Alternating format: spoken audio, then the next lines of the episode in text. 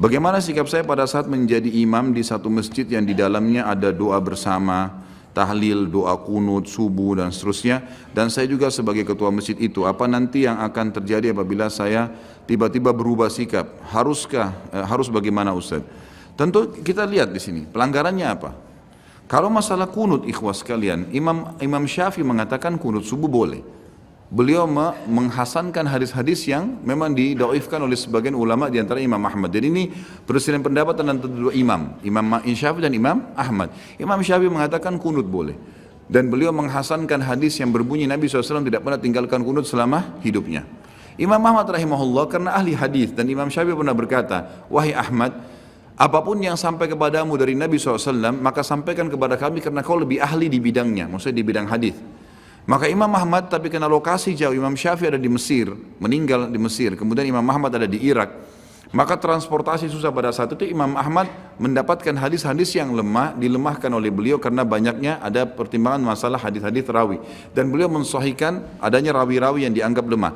Beliau mensahihkan hadis yang berhubungan dengan kunut witir yang banyak ditinggalkan oleh kaum muslimin. Kun, witir itu justru sunnah kunut, subuh justru terlemahkan hadisnya. Tapi Imam Ahmad itu ditanya, rahimahullah, wahai imam, bagaimana kalau kami sholat di belakang imam yang kunut? Ini dari dulu masalahnya sudah ada. Kata Imam Ahmad, yang tidak mau kunut jangan ikut sholat. Kan? Artinya apa? Kalau ikut sholat kunut bersama mereka, tidak ada sesuatu yang salah di situ. Karena hadisnya masih diperselisihkan tentang kesohihannya, tapi ini pendapat. Dan dalam kitab Minhajul Muslim nanti kita pelajari ada pasal tertentu nanti tentang pentingnya amar ma'ruf nahi mungkar, bagaimana bermuamalah dengan para ulama, ada babnya sendiri. Bagaimana bermuamalah dengan pemerintah, pemimpin muslim, ini ada hukum-hukum syar'inya. Di antaranya menghormati perselisihan pendapat dalam masalah furu'iyah di antara mereka. Ini soalnya banyak ikhwah yang belajar sunnah sekarang, lalu mereka jadi kaku akhirnya.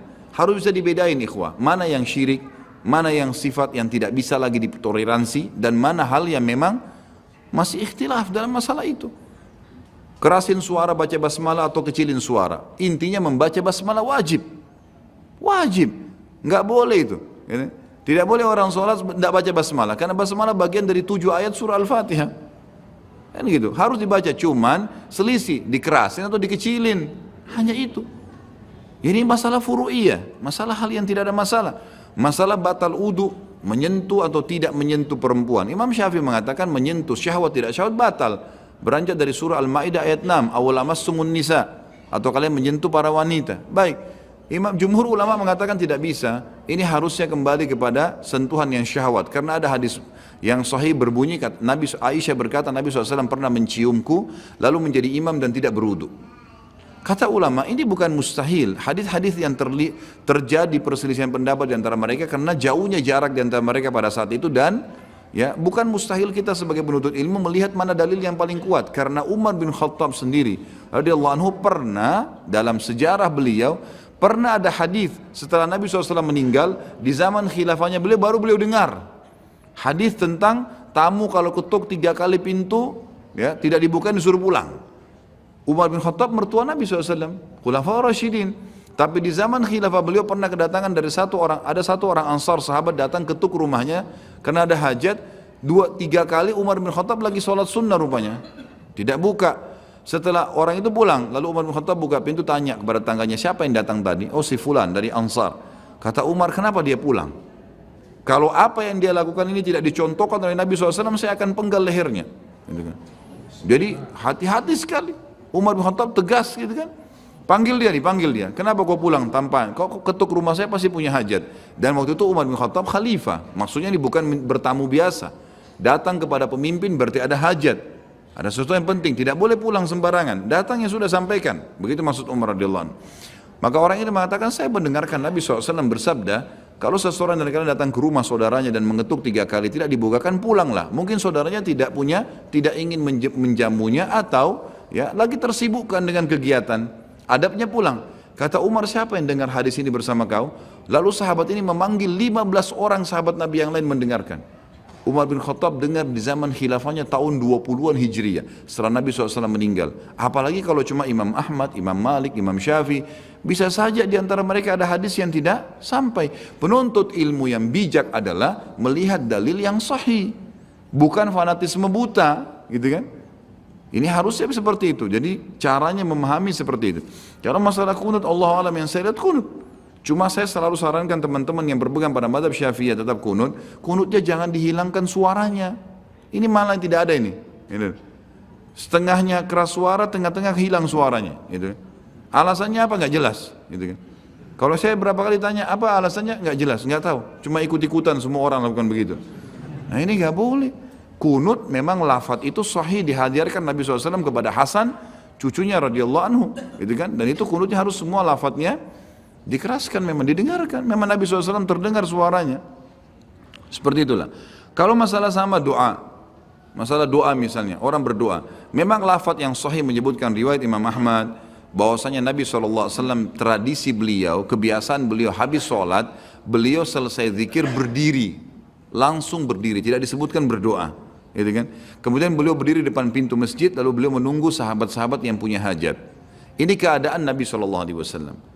Jadi orang yang tidak berdoa habis sholat memang sesuai dengan sunnah. Doa yang dianjurkan sebelum sholat antara azan dan iqamah mustajab doa.